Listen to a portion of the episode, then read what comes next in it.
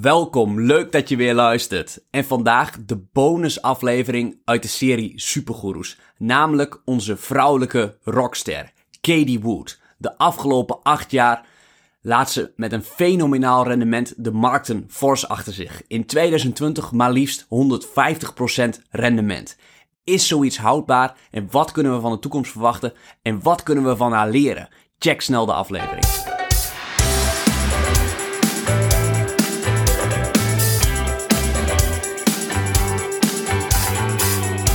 Ja, leuk dat je luistert. Mijn naam is Barbara. En ik ben Rowan. Ja, Rowan, deze week Katie Wood. Jazeker. Dus het is ons gelukt, een vrouw. Maar ik heb nog steeds wel een paar opmerkingen. Oh, Ze is nog steeds Amerikaans. ja. En hoe oud is ze? 65. Ja, ja. Dus we zitten nog, nog steeds in de Amerikaanse, nou ja, oude beleggers. Eh, yes. Ik wil geen luisteraars beledigen, maar ik bedoel, wat ik gewoon bedoel te zeggen is, ze waren allemaal 55 plus. Klopt. Ja. ja. ja. Dus ik vind ook nog steeds dat los van misschien nog een keer een vrouw in de toekomst, moet ook een jonger iemand in. Jongen, goed. We hebben, En nog een buitenlander. we hebben Georg Krijg gehad, hè? Die fondsmanager van het Guardian Fund. Ja, Die als gast gehad, dus check vooral ook die aflevering. ja, dat is waar. En nog Nederlands, dus eigenlijk telt dat ook. Een beetje vergelijkbaar misschien wel met Katie Wood. Oh, Sommige posities in ieder geval. ik ben benieuwd. Voordat we echt naar Katie Wood gaan, een disclaimer. Het is namelijk vandaag vrijdag 13 augustus Ja. dat we dit opnemen. Dus als er de komende week, voordat deze podcast live gaat op 20 augustus, iets gebeurt rondom Katie Wood, dan zit dat niet in deze podcast. Want Rowan en ik gaan een welverdiende vakantie nemen. Eindelijk maar toch? Ja. Dus we zijn er een weekje niet en hebben deze podcast in het voren opgenomen. Top. Maar we hopen dat hij daarom niet minder leuk gaat zijn. Ik denk dat er veel lessen in zitten die tijdloos zijn. Nou, laten we er dan maar gelijk naartoe gaan. Katie Wood. Ja, Katie Wood beroemd geworden om haar Tesla-investering. Dat ze die helemaal geneeld heeft. En fan van de bitcoin. En daarom ook een hele grote following op het forum Reddit. Daar is ze, wat ze Queen Katie genoemd. Queen Katie. En eh, het mooie aan haar fonds is, ja, ze heeft niet echt een fonds. Het is een ETF. Als je bij haar wil beleggen. Oké. En het voordeel is dat je als belegger kan je daar gewoon met kleine bedragen instappen als je dat wil. Mag- Kun je me het verschil even kort uitleggen? Ja, een fonds, zoals een Moniz Pabrai, een Guy Spier, is ook vaak pas vanaf 100.000. Nou, bij Moniz Pabrai is het volgens mij vanaf een miljoen. Dan kan je daar meedoen. Maar hier kan je gewoon, dit is een ETF, is gewoon verhandelbaar op de beurs. Dus kan je bij de Giro gewoon zoeken op ARK? Ja, nou dit is het probleem. Als je in Amerika woont, kan je die gewoon kopen. Oh, Nederlandse beleggers kunnen dat nog niet. oké. Omdat ze de materialen die je moet verstrekken om een ETF te mogen aanbieden, die moeten bijvoorbeeld in het Nederlands beschikbaar zijn en aan de lokale regelgeving voldoen, dat hebben ze niet. Oké. Dus ja, ik, ik las wel op een forum, je, je kan via eToro, kan je de posities allemaal in één klap kopiëren. Nou ben ik niet per se fan van eToro, want dat is best wel een agressieve broker. Ehm, want dat je daar allerlei mensen kan volgen die nog niet bewezen hebben dat ze kunnen beleggen. En toevallig een paar goede aandelen hebben gekocht een paar jaar geleden. En dat gaat heel goed, zonder dat er echt een logische strategie onder zit. Dus dat zou ik precies niet doen, maar daar zou je dat kunnen doen als je haar rechtstreeks wil kopiëren. Andere routes weet ik niet voor Nederlandse beleggers. Oké. Maar je kan gewoon haar portefeuille opzoeken op haar website Ark Invest. En die kan je in die zin wel gewoon kopiëren door al die posities te kopen. Ja, en dat is dus wel uniek, want zij heeft dus geen vertraging in de zichtbaarheid van haar posities. Doordat ze meer een ETF is en geen fonds. Ja. En ze zijn volledig transparant in alles. Al die posities vind je op hun website. We kunnen zo de top 10 wel even langslopen. En ze deelt ook al haar analyses. En dat is ook best wel uniek in de beleggingsindustrie.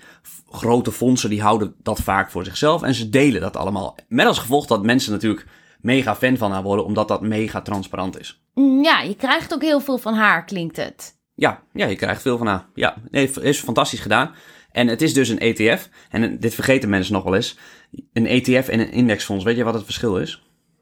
Ehm, ja, dan luisteren mensen weer naar zo'n stilte van me, dus vertel het maar. Oké, oké. Een indexfonds is eigenlijk altijd een ETF. Maar een ETF is niet altijd een indexfonds. Oh, ik snap het, want een index is zoiets als de AIX of de Nasdaq, echt zo'n beurs. Ja, dan volg je die index.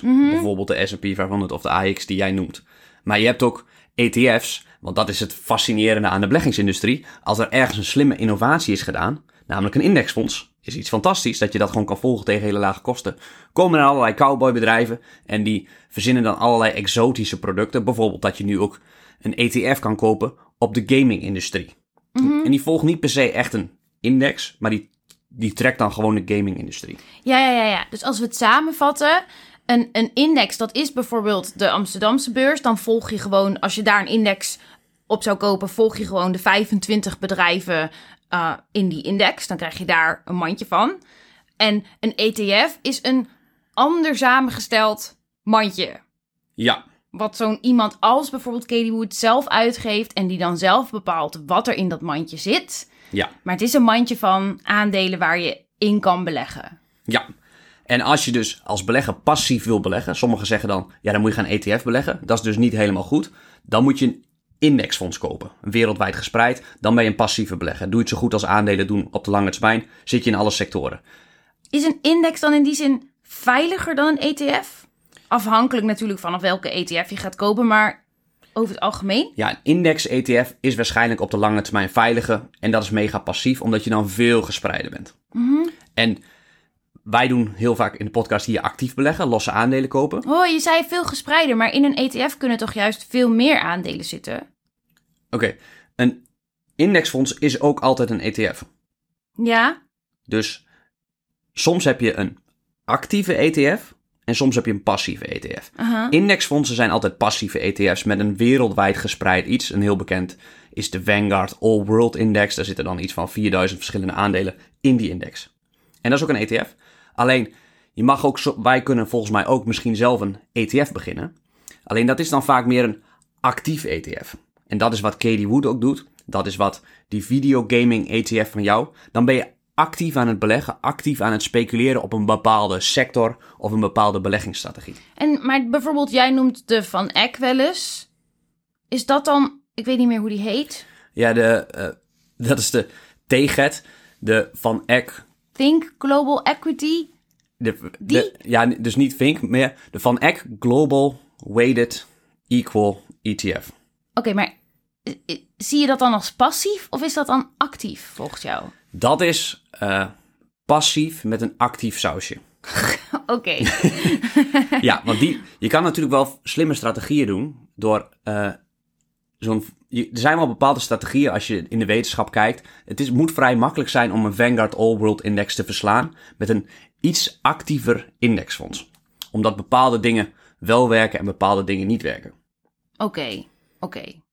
Maar goed, dan wordt het al ingewikkelder van. Ja, ja dan moet je goed, heel goed weten wat je doet. dan moet je al wel weer gaan bedenken wat voor een ETF dan beter werkt. Ja. Nou, dan moet je toch alweer iets van beleggen weten en snappen hoe dat allemaal zit, om dat te kunnen inschatten. Ja, en je hebt nog het probleem als je bijvoorbeeld een wat actievere ETF doet, dat de kosten daar vaak wat hoger zijn. Voor als je in de ETF van Katie Wood wil beleggen, waar in haar flagship eh, fund zit 26 miljard dollar in. In totaal heeft ze 50 miljard dollar onder management.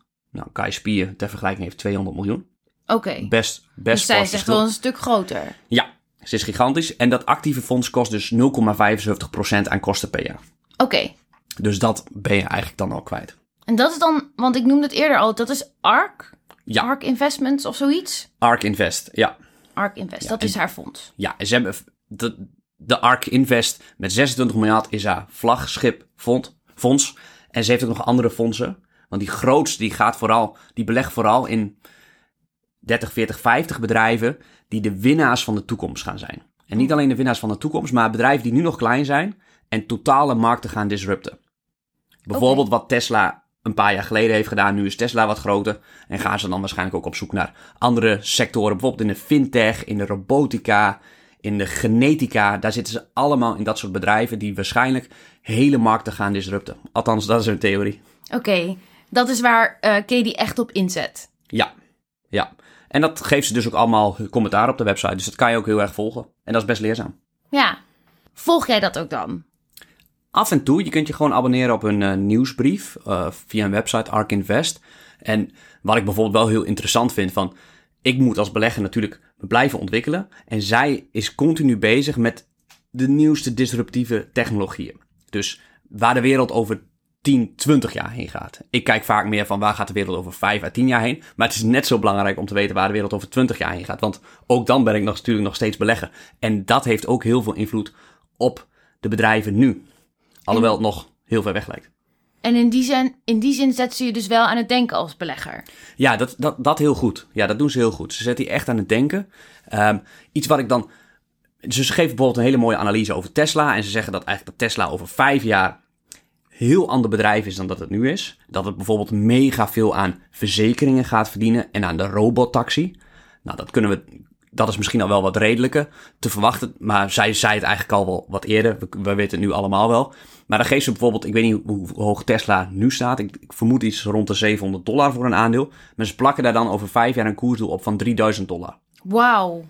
Dus ondanks dat Tesla al zo groot is qua market cap, dat zal ook 600, 700 miljard misschien zijn, gaat dat nog een paar keer over de kop, zeg Volgens haar. Ja, ja. En dat is natuurlijk ook zo leuk aan haar, dat ze het zo concreet maakt. Ja. Daar houden mensen wel van, als je dat soort uh, gedurfde dingen durft uit te spreken. Ja, en zo doet ze dat voor meer bedrijven. En bij Tesla heeft ze het in het verleden dus perfect gehad. Want zoiets zei ze vijf jaar ook, dat nu de koers op dit zou staan. Nou, het, is, het is nog veel beter geweest. En ja, dan is het wel logisch dat beleggers daarop aangaan, op, op zulke uitspraken. Ja, hoe komt zij dan aan haar analyses? Ja, ze heeft een heel team van beleggers. Vandaar dat die kosten ook, van, van analisten, dat die kosten ook 0,75% zijn en wat hoger zijn. Uh, dus, dus die gaan continu op zoek naar de nieuwste trends en nieuwste zaken. Maar ik wou net zeggen, dit gaat bijna niet meer over beleggen. Dit gaat bijna gewoon over market trends. Ja, ze gebruiken dus een dubbelvoudige analyse. Normaal, een waardebelegger kijkt alleen bottom-up. Die kijkt naar een bedrijf en die kijkt dan of dat bedrijf het goed gaat doen. Mm -hmm. En die, die kijkt niet top-down. Dingen als van macro-economie, inflatie. Goede beleggers houden zich daar niet mee bezig. Of althans, die volgen het, maar die handelen daar niet op. Die doen daar geen activiteiten mee. Zij gebruiken bottom-up en top-down. En top-down, niet om de macro-economie te voorspellen, niet om de inflatie te voorspellen, maar wel om die megatrends te signaleren die er zijn. Want voor mij is dat um, meer iets wat je ziet bij consultancybureaus en zo. Dat ze dit soort onderzoeken naar buiten brengen over wat ze verwachten van de toekomst. Ja. Maar zij doet dat dus ook. Zij doen dat dus ook. En dat is natuurlijk ook de taak van de belegger om zulke megatrends te identificeren. Maar, en dat deelt ze ook. Ja, dat deelt ze ook. Ja. Dus, dus los van of ze gelijk gaat hebben met de koersdoelen die ze stelt, ja. is het gewoon wel mega interessant om haar filosofieën te lezen over waar de toekomst van onze wereld naartoe kan gaan. Ja, ja het, is, het is zeer verfrissend. Het er zijn heel veel beleggers die of voor Katie Wood zijn of tegen Katie Wood. En degene die tegen zijn, zeggen dan ja, ze belegt alleen in de allersnelste groeiers. En logisch dat 2020 met 150% mega goed was. Dat is niet te handhaven omdat die waarderingen van die bedrijven zo zijn opgelopen. Nou, misschien is dat zo. Ik weet het niet. Maar wat ik probeer is er gewoon zoveel mogelijk van te leren. Want ze heeft wel hele verfrissende ideeën. Ja, en wat natuurlijk altijd goed is, is om die ideeën in ieder geval in je arsenaal toe te voegen. Dat je gewoon de mogelijkheid hebt om ze toe te passen op de beleggingen die je aan het doen bent. En zeker mocht je dan een keer ergens over twijfelen, dan kan het misschien net zijn dat zo'n idee je helpt om te denken: hmm, oké, nou als ik het dan toch niet verder weet dan dit dan helpt dit idee me juist om te denken, nou, dan heeft het meer potentie in de toekomst. Of misschien dat je denkt, oké, nee, maar als je kijkt naar waar, waar toekomstideeën naartoe gaan, wil je dit, deze belegging totaal afschieten. Dus dan bij twijfel niet doen. Ja. Het zou net het verschil kunnen maken. Nee, klopt. Klopt. Zo kan je je ontwikkelen. En ik denk dat zij dat heel goed gedaan heeft. Het is natuurlijk heel knap voor een vrouw van 75 jaar om nog zo gefocust te zijn op die nieuwe technologieën. Ja, ja, kan je nog wel wat van leren. Ja, ja. zeker, zeker. We kunnen van iedereen wat leren. Waar zit zij dan? Want je hoort wel eens in Amerika, hè, hoe dichter op Silicon Valley en zo, hoe meer informatie je hebt. Hoewel ik je ook al heb horen zeggen dat je als belegger daarbij weg wil blijven, omdat je dan te veel beïnvloed wordt door wat je direct hoort en dan meegesleurd wordt in de enthousiasme, waardoor je misschien niet objectief genoeg bent. Ja. Weet je ook waar Katie Wood zit? Nee. Ga jij even checken? Dan praat ik wel even door, oké? oké, want ik wil nog wel iets zeggen van die koersdoelen, wat ik daarvan vind. Zo'n agressief koersdoel, dat trekt natuurlijk heel veel beleggers. En zij is natuurlijk gebaat bij dat zoveel mogelijk beleggers dat indexfonds kopen, want dan komt er meer geld binnen en verdient zij dus beter.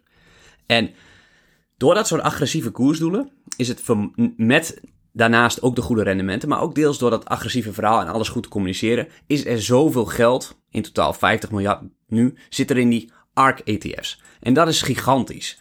En één, ik hou niet heel erg van die agressieve koersdoelen, omdat dat dus eigenlijk roepen ze de eigen underperformance op zich af. Waarom? Omdat, nou maar, kijk, Warren Buffett, hebben we het vaak over gehad, die heeft het probleem dat als hij nog een goede investering wil doen, wat rendabel is, dan moet hij gelijk 50 miljard aan het werk zetten. Ja. Ehm, omdat hij zo groot is. Stel dat Katie Wood de komende jaren goede rendementen laat zien, de marketing goed op orde heeft, dan stroomt daar die 50 miljard, stroomt er misschien nog wel een keer 50 miljard in. En dat moet ook direct belegd worden. En dat wil zeggen dat dat gelijk in dezelfde aandelen gaat die er al zijn. Dus die aandelen stijgen nog verder en die koersen stijgen dan veel harder dan de omzetontwikkeling van de onderliggende bedrijven. En die bedrijven raken dan zwaar overgewaardeerd.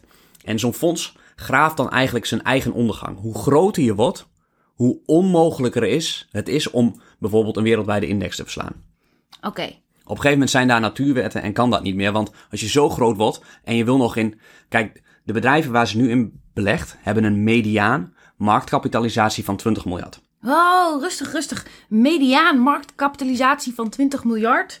Ja, Wat bedoel je daarmee? Dus de mediaan van de bedrijven in portefeuille heeft een waarde op de beurs van 20 miljard. Oh, je had vroeger mediaan en dan gemiddelde. Ja, ja en het gemiddelde is iets van. eh, van die bedrijven is iets van 100 miljard. Ja, ja, ja, dat is eh, als je vijf elementen hebt en, en je hebt 20 miljard, dan deel je die 20 miljard door vijf. Dan heb je gemiddelde. Ja, ja. En doordat ze bijvoorbeeld ook in Tesla belegt. Tesla heeft een market cap van 600, 700 miljard, zoals ik net zei. Dan is het gemiddelde, doordat alleen Tesla erin zit en die zoveel hoger is, trekt hij al die waarderingen van die hele kleine bedrijven in die portefeuille omhoog. Ah. Dus een mediaan is altijd in dit geval een betere graadmeter. Net als als je bijvoorbeeld wilt kijken met het rendement op het eigen vermogen over de afgelopen 10 jaar. En het rendement op het geïnvesteerde vermogen, twee van de belangrijkste graadmeters waar je als belegger naar wilt kijken. Dan wil je altijd de mediaan weten.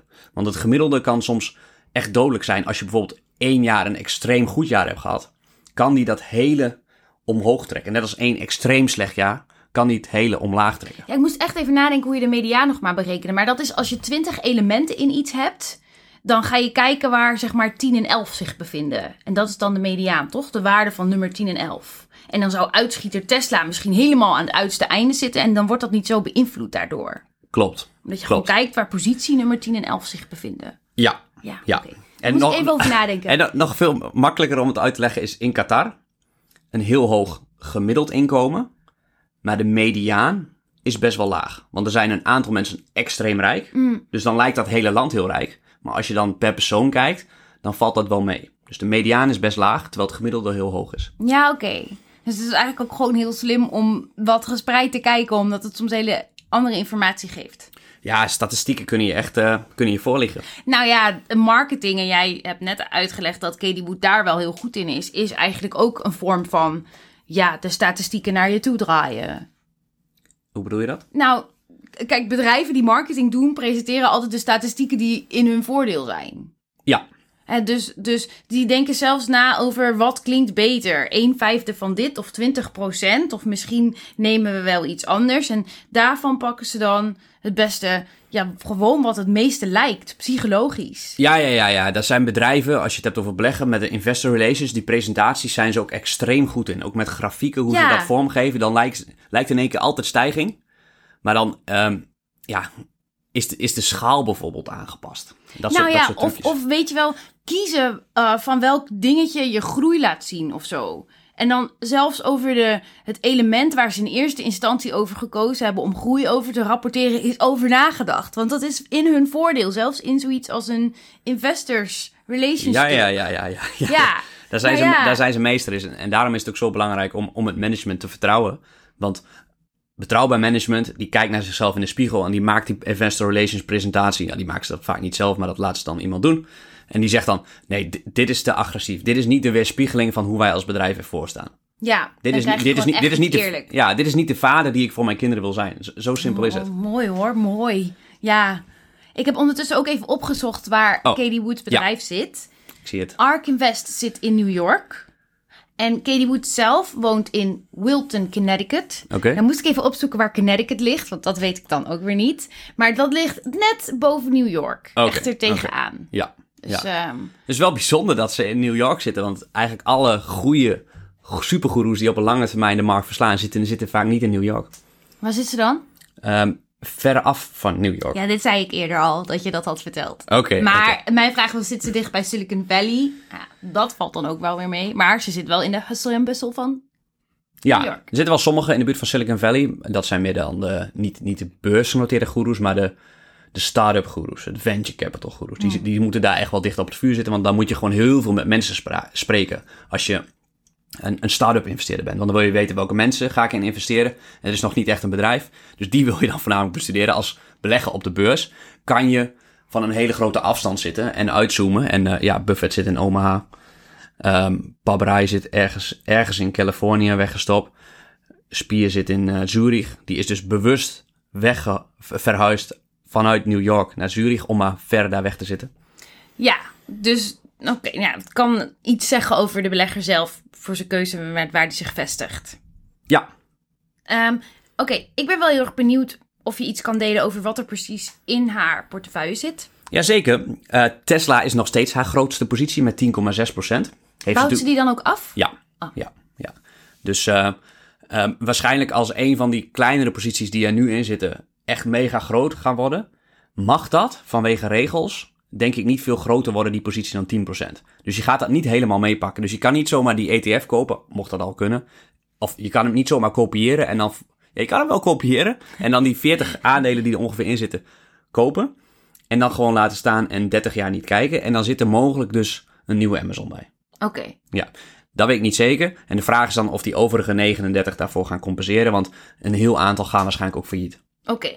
Uh, maar daar is dan niks mis mee als eentje de Amazon bij zit. Zij hebben zelf nooit, ze, ze kunnen nooit alle voordelen van een Tesla uh, plukken. Dat hebben ze niet gedaan, want ze mogen gewoon niet de posities te groot laten worden. Dus Tesla de grootste positie. Daarnaast zitten er in de top 10 hele bekende namen zoals Coinbase, Roku, het uh, soort van streaming facilitator, Unity Software. Dat is uh, voor de gaming industrie, dat ken je natuurlijk, je bent erin belegd. Niet in Unity, maar wel in de Van Eck Gaming ETF. Zoom, ken je. Square, de fintech speler, Shopify, de e-commerce platform, Twilio, de grote CM-concurrent en ook nog Spotify. Oké. Ja, dat zijn wel veel bekende namen en wel veel tech. Ja, ja, ja. Het is allemaal, allemaal disruptief, allemaal tech. Dus er zal niet een, uh, een, een, productiebedrijf in, in de portefeuille zitten. Nee? Nee, nee. Helemaal niet. Nee, en ook niet trage tech-groeiers. Oké. Okay. Ja, dus echt wel uh, bedrijven die de wereld gaan disrupten. Kan je dat dan groeiaandelen noemen waar zij zich op richt? Ja, hypergroei aandelen. Hypergroei. Ja, ja. Dat probeert zij echt uh, te ondervangen. Ja, en die, die goed uh, vroeg te diagnosticeren. Dus de mediaan zeiden we is 20 miljard. Dus dat zijn ook best wel wat bedrijven die daar onder zitten. Ja, dat zijn nog kleine bedrijven. En als je dan de nieuwe Amazon wordt en van 20 miljard naar 2000 miljard gaat, heb je een prima rendement. Ga Moet je wel 100. echt snappen wat je doet. Want anders dan uh, ben je toch maar wat aan het kopen. Ja, en daarom is het misschien wel slim dat zij niet... Zij als alle andere goeroes hebben vaak maximaal 10 verschillende aandelen zo'n beetje. En dat is nodig om de markt te verslaan op de lange termijn. Met meer aandelen lukt dat niet. Tenzij, bij haar dus, dat je dus op mega groeiers, en van die 40 gaan er dus een heel aantal failliet. En zij kan dus eigenlijk niet uit met die 10 aandelen, omdat je omdat daar één, oh ja, veel te veel geld voor is. Dan kan dat niet allemaal in die bedrijven zonder die koers te beïnvloeden. En twee, van die tien zouden er misschien toevallig heel aantal failliet kunnen gaan. En is de kans dat er een nieuwe Amazon bij zit gewoon veel kleiner. Duidelijk. Mooi. Wil je nog meer delen over Katie Wood? Uh, nou, ik vind het wel leuk wat ik van haar geleerd heb. Uh, wat ik zelf nog niet goed beheerste. Wat ik wel eens op, uh, op de business school, op de opleiding heb gehad vroeger. Maar wat zeer ver is weggezakt soms.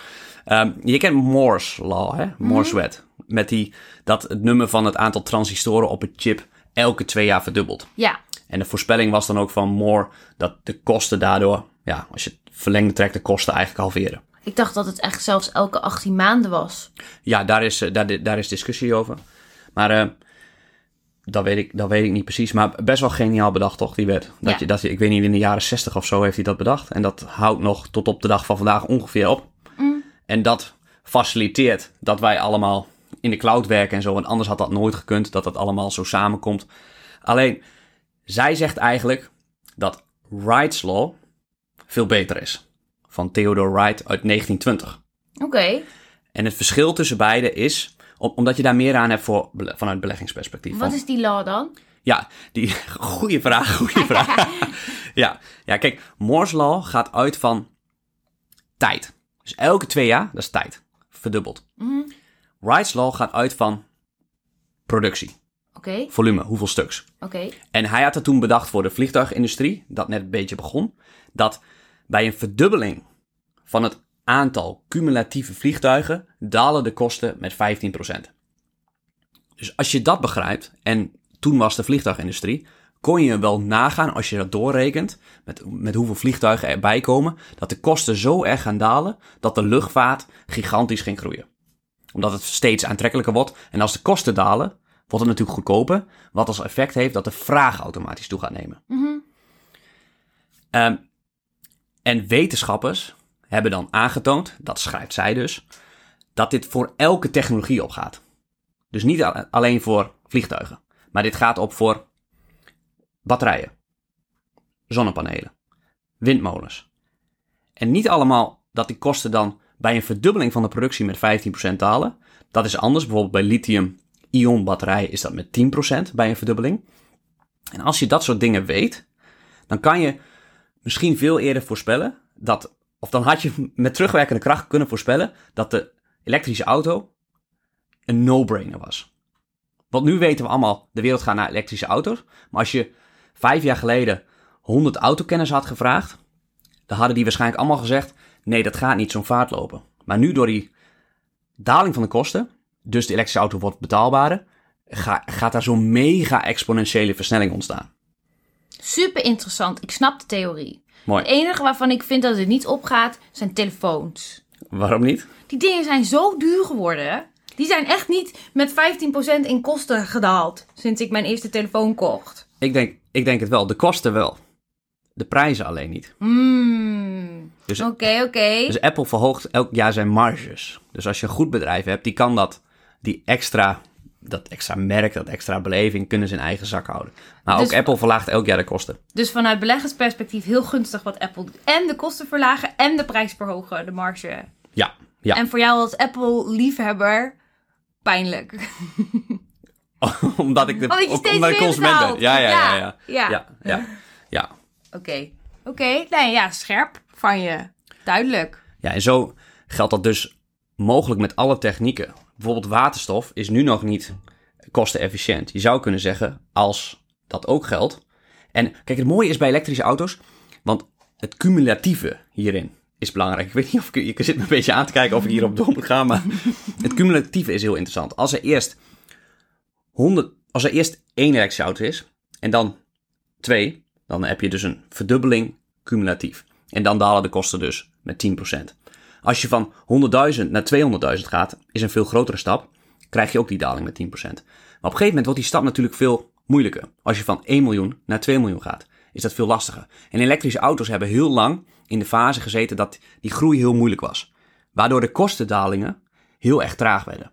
Omdat die verdubbeling laat plaatsvond. Ja, ja, dan krijg je pas een paar jaar later, over een, over een driejaarsperiode, pas die daling met 10% van kosten. Ja. Maar op een gegeven moment krijg je zo'n sweet spot. Dan zijn elektrische auto's, met behulp van subsidies, in één keer kostenefficiënt geworden. Waardoor de vraag uit de markt enorm toeneemt. Waardoor de volumes exponentieel omhoog gaan. En dus de kosten in één keer in hele korte tijd exponentieel omlaag gaan. En die kostenvoordelen die ontstaan natuurlijk doordat we slimmer leren werken. Met slimmere technologieën, wetenschappers die aan die batterijen sleutelen. En zo kan dat met eigenlijk alle technologieën. Mooi, ik vind het een leuke theorie. Ik vind het, ik vind het geniaal. Dus die, die moeten eigenlijk eh, op mijn lijstje staan. Ja, Wright's Law, dat is met een W. Ja, Wright's Law uit 1920. ja, Verdubbeling leidt tot een kostendaling van 15%. ja. En dit soort analyses zetten ze dus eigenlijk op de website. Ik heb dat een beetje gejat. Ik, ik voel me... Ja, eigenlijk jat ik natuurlijk heel veel, maar er is geen boek over haar. Dus, eh, dus, dus ik heb me op internet een beetje ingelezen. Over andere goeroes heb ik allemaal uiteraard een boek gelezen. En dan, eh, da- dan, dan weet je veel mee. Dus zo, maar zo heb ik alweer heel wat geleerd door daar op die website rond te kijken. Ja, dat boek dat moet toch binnenkort wel komen? Dat kan bijna niet anders. Ja, dat gaat wel komen. Dat gaat wel komen. Ik ben dan benieuwd of dat door een eh, fan is.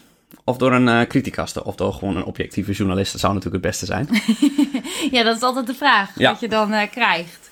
Oké, heb je nog meer wat je wilt delen over eh, Queen Katie? Queen Katie. Recent uit China gestapt. Haar, belangen in eh, Tencent en Baidu allemaal gedumpt. vlak voordat het zo eh, omlaag ging? Uh, een beetje tijdens de daling. Mm. Tijdens de daling. Dus uh, misschien niet. Ja, de, de, vraag is hoe de toekomst gaat lopen. Ze zegt eigenlijk dat. Ze is daar trouwens deze week wat van teruggekomen. Ze zegt dat bepaalde dingen in China heel interessant gaan lijken. Maar dat het vanuit waarderingsmethode. Kijk, en als je. Als ze belegt dan in, in Tencent. Ja, in Tencent is natuurlijk ook geen, gaat geen multibagger meer worden. Dat gaat heel traag eventuele verdubbelaar worden over een paar jaar. Je bedoelt omdat het al zo groot is? Ja, ja, Mhm. ja. Dus ga denk ik nog wel op zoek naar hele kleine disruptieve spelers in China die daar de markt kunnen disrupten. Moet ze Li Lu, hoe heet hij nog maar? Lilu, Even contacten. ja, ja, ja, ja. die zat in de vorige podcast. Ja, oké. Ehm, volgens mij was dat het dan nu eerst. Ja, ja. Er zijn vast nog veel meer lessen. ehm, maar misschien nog leuk om even te vertellen, is dat eh, er ook wel kritiek op haar is. Want ze heeft dus pas dit fonds vanaf 2014 Ja. tot aan nu. En ze heeft jaarlijks een rendement van 34% gehaald. Dat is netjes. Dat is fenomenaal ten opzichte van de andere goeroes die we bespreken. Het enige probleem is dus dat het een relatief kort track record is. Ehm, ik ben even gaan graven op, eh, op internet naar wat heeft ze nou voor die tijd gedaan. Dat is best wel lastig te vinden, maar wat ze voor die tijd in ieder geval gedaan heeft, is bijvoorbeeld bij een Bernstein werken. Dat is ook een grote vermogensbeheerder. En bij eh, een hedge fund. En bijvoorbeeld dat eerdere hedge fund wat ze had, dat is gesneuveld. Dus dat ging helemaal niet goed.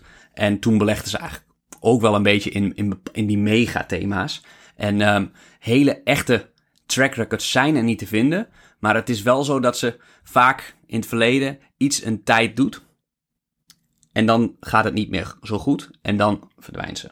Hm. Maar we gaan ervan uit dat het dit niet is. Mm, eh, Relateert zich dat dan naar, zeg maar, dat er succes ook je ondergang kan worden? Ja, ja daar, daar relateer ik ook naar. En kijk, eigenlijk wat je wil zien is dat zo iemand het fonds dichtgooit. Er zit nu, er zit nu 26 miljard in dat ene ETF. Eigenlijk wil je, als je je beleggers wil beschermen, die je ETF kopen, wil je hem dichtgooien. Omdat naarmate er meer geld in stroomt, worden je rendementen minder. Omdat er gewoon niet meer interessante bedrijven te vinden zijn. Waar je, want je moet er gelijk een paar miljard tegelijk in stoppen. Dat kan gewoon niet in veel bedrijven. Nee, de meeste bedrijven zijn te klein. Ja, dit heb je natuurlijk als particuliere belegger een groot voordeel op professionals. Want ik zet niet in één keer met een, een paar miljard zo'n beurskoers in beweging. Nee. Ik kan overal instappen en ook in hele mooie kleine bedrijven waar zij geen toegang meer tot heeft. In het verleden wel, maar door haar eigen succes gaat ze eigenlijk daaraan ten onder. Moet ze te veel miljarden verdelen en dan moet ze in bepaalde bedrijven die groot genoeg zijn om waar, waar je überhaupt dan nog miljarden in kan stoppen. Ja. Want die aandelen moeten er natuurlijk wel zijn. Ja, die aandelen moeten er zijn. En Ja. zonder dat je die koers zelf, terwijl je erin gaat, mega in beweging zet. En dan zelf duurder, duurder, duurder moet kopen. Omdat bij elk aandeel dat je extra erin stopt, je meer betaalt. Klopt. Ja. Klopt. Ja. Ik vind, het, ik vind het een heel leuk fenomeen. Op de een of andere manier vond ik het heel lastig om dat stukje te snappen. Dat duurde heel lang voordat het bij mij klikte. Dat als je heel veel geld beheert, dat het dan steeds moeilijker wordt om dat geld ergens in te stoppen. Omdat je. Ehm, omdat er gewoon niet zoveel bedrijven zijn die zo groot is. Op de een of andere manier duurde dat bij mij heel lang voordat dat klikte. Maar Ja. is, maakt het dan nog uit? Want volgens mij zei je dat Kai Spier dat gedaan heeft. Zijn fonds dichtgegooid. Ja, ja, veel goeroes die ik volg, die echt goed zijn, die doen dat. Die gooien hun fonds dicht. Maar zij heeft niet echt een fonds. Je legt in het begin uit dat zij meer een ETF heeft. Ja, ik, ik denk dat het misschien qua regelgeving niet mag dat je een ETF dichtgooit. Hm. Want dan zou het in één keer niet meer verhandelbaar zijn op de beurs. En een ETF staat voor Exchange Traded Fund. Dus, het moet, verhandelbaar ja, blijven. Ja, ja, Dus zij kan dat dan misschien niet dichtgooien. Om... Nee, Het is niet een fonds waar je gewoon wat geld in stopt. maar ze kan het natuurlijk wel sturen. Hoe zou jij het sturen dat zij minder geld onder beheer heeft? Als jij eh, zoveel geld onder je beheer had. Kan, kan, op één, kan op, wat mij betreft op twee manieren. Nou, vertel maar. Eén is eh, je rendement bewust lager maken.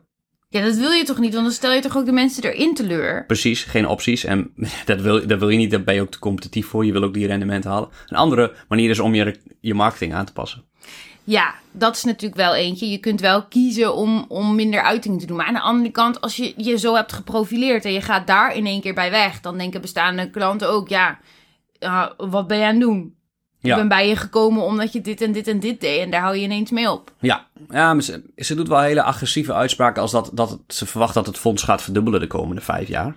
En ja, volgens mij kan je dat helemaal niet weten. Dat is heel afhankelijk van De markt. hoe, hoe het beursklimaat is. Ja, En eh, dus dat, dat hoeft ze niet per se te doen. Een echte, ze zouden kunnen zeggen, nou, de bedrijven nu in portefeuille zijn best wel eerlijk gewaardeerd. Eh, het, is, het is lastig vinden, om, koopjes vinden is nog lastig. Dat zou je dan eerder kunnen, dat zou, zou ik een veel integere aanpak oké, maar dat is dus niet haar stijl. Haar stijl Nee. is dus redelijk agressief. Dat kunnen we gewoon concluderen. Ja. Ze ja. gaat er vol voor. Ja, ja, ja je kan, ik, sommigen vinden dat denk ik ook heel mooi dat ze zulke agressieve koersdoelen stelt. Het past persoonlijk niet echt bij mij. Ik heb natuurlijk ook wel koersdoelen voor bedrijven. Maar ja, je, je wil dat eigenlijk gewoon zijn werk laten doen en je wil dat liever niet uitspreken. Want op het moment dat je het uitspreekt is het ook best wel gevaarlijk. Want wat als Tesla gaandeweg in problemen komt en dus die 3000 dollar niet uit zicht is. En ze misschien wel beter is om te verkopen, dan krijg je weer allerlei... eh, Nou ja, het is wel heel transparant over de verwachtingen die zij heeft. En daar is ze dus heel eerlijk over. ja, Want wat jij eigenlijk zegt is, ja, ik heb die, die koersdoelen wel, maar ik spreek ze niet uit, want als ze dan niet gehaald worden, dan staat dat lullig of zo. Nee, nee, nee dat, ma- dat maakt me niet uit. Maar ik wil mezelf niet in allerlei psychologische valkuilen bij mezelf dwingen. Door uit te spreken, bijvoorbeeld heel luidruchtig over wat ik verwacht van een aandeel. Want op het moment dat ik dat uitspreek, ga ik er zelf ook in geloven en word ik misschien blind voor de werkelijkheid.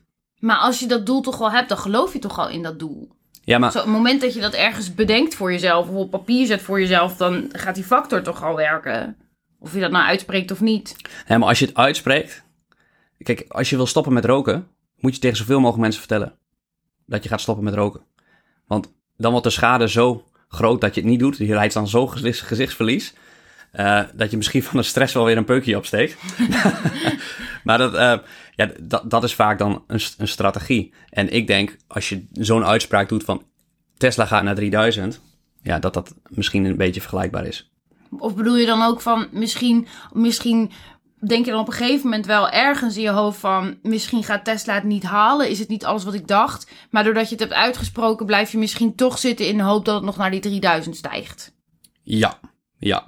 Kijk, ik, ik denk dat ze deels inzetten voor marketinguitingen. Omdat zulke extreme dingen. Ze, ze is daarom, ze is vooral door die Tesla-investering bekend geworden. Dat ze daar zo'n extreme uitspraak voor heeft gedaan. En het is ook een beetje een survivorship bias. Dat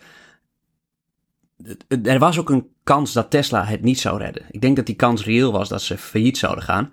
Ehm, en als dat was gebeurd, had deze ETF niet meer bestaan waarschijnlijk. Ja, dus zij houdt wel van een risico. Ja, ja, ja. En dat is goed. Risico wordt... wordt Past denk ik ook bij de aandelen waarin ze belegt. Ja, en daarom, ze heeft ook 40 verschillende aandelen. Hè? Dus ze kan ook meer risico nemen met individuele posities. Oké. Ik, ja, ik heb er 10, dus ik kan eh, in die zin minder extreme risico's nemen. En ik, ik zou dat ook niet willen. Kijk, heel veel aandelen in portefeuille, daar kijk ik heel actief naar. Zoals een eh, Shopify, een Twilio, een Spotify, die genoemd zijn. Mega interessante bedrijven zouden ook prima in mijn portefeuille kunnen passen. Oké, duidelijk. Ik, eh, omwille van de tijd, ga ik afronden, tenzij je echt nog iets wil zeggen. Nee, nee. Als de mensen dit luisteren, zijn wij denk ik eh, in Italië. hè? We vliegen wel bijna weer terug. Ja, ja, Ja. ja. Maar dat geeft niet. Wat mooi, even leren, lezen, boeken. Even helemaal niks. Net als onze vorige vakantie. Hoe bedoel, hoe bedoel je? Toen hadden we ieders vijf boeken mee of zo. Ja, Toen hebben we allebei geen boek uitgelezen. nee, Dus misschien onze koffer maar niet te vol stoppen met boeken dit keer. nee, dan ben ik zo ambitieus. Nou, ik, ja, ik had er volgens mij nog meer en ik had op het vliegtuig nog wat bijgekocht. Vliegveld nog wat bijgekocht. Ja. Oh, zo'n vakantie. Dat geeft me zoveel leestijd. Lekker lezen. Ja. En toch, als je dan een wat dikker boek hebt, ben ik gewoon de hele vakantie mee bezig geweest. ja, ja. Oké, nou, dit was hem voor deze week. En eh, hartelijk dank voor het luisteren. ja, bedankt voor het luisteren. Superleuk. Tot de volgende Tot de week. volgende keer.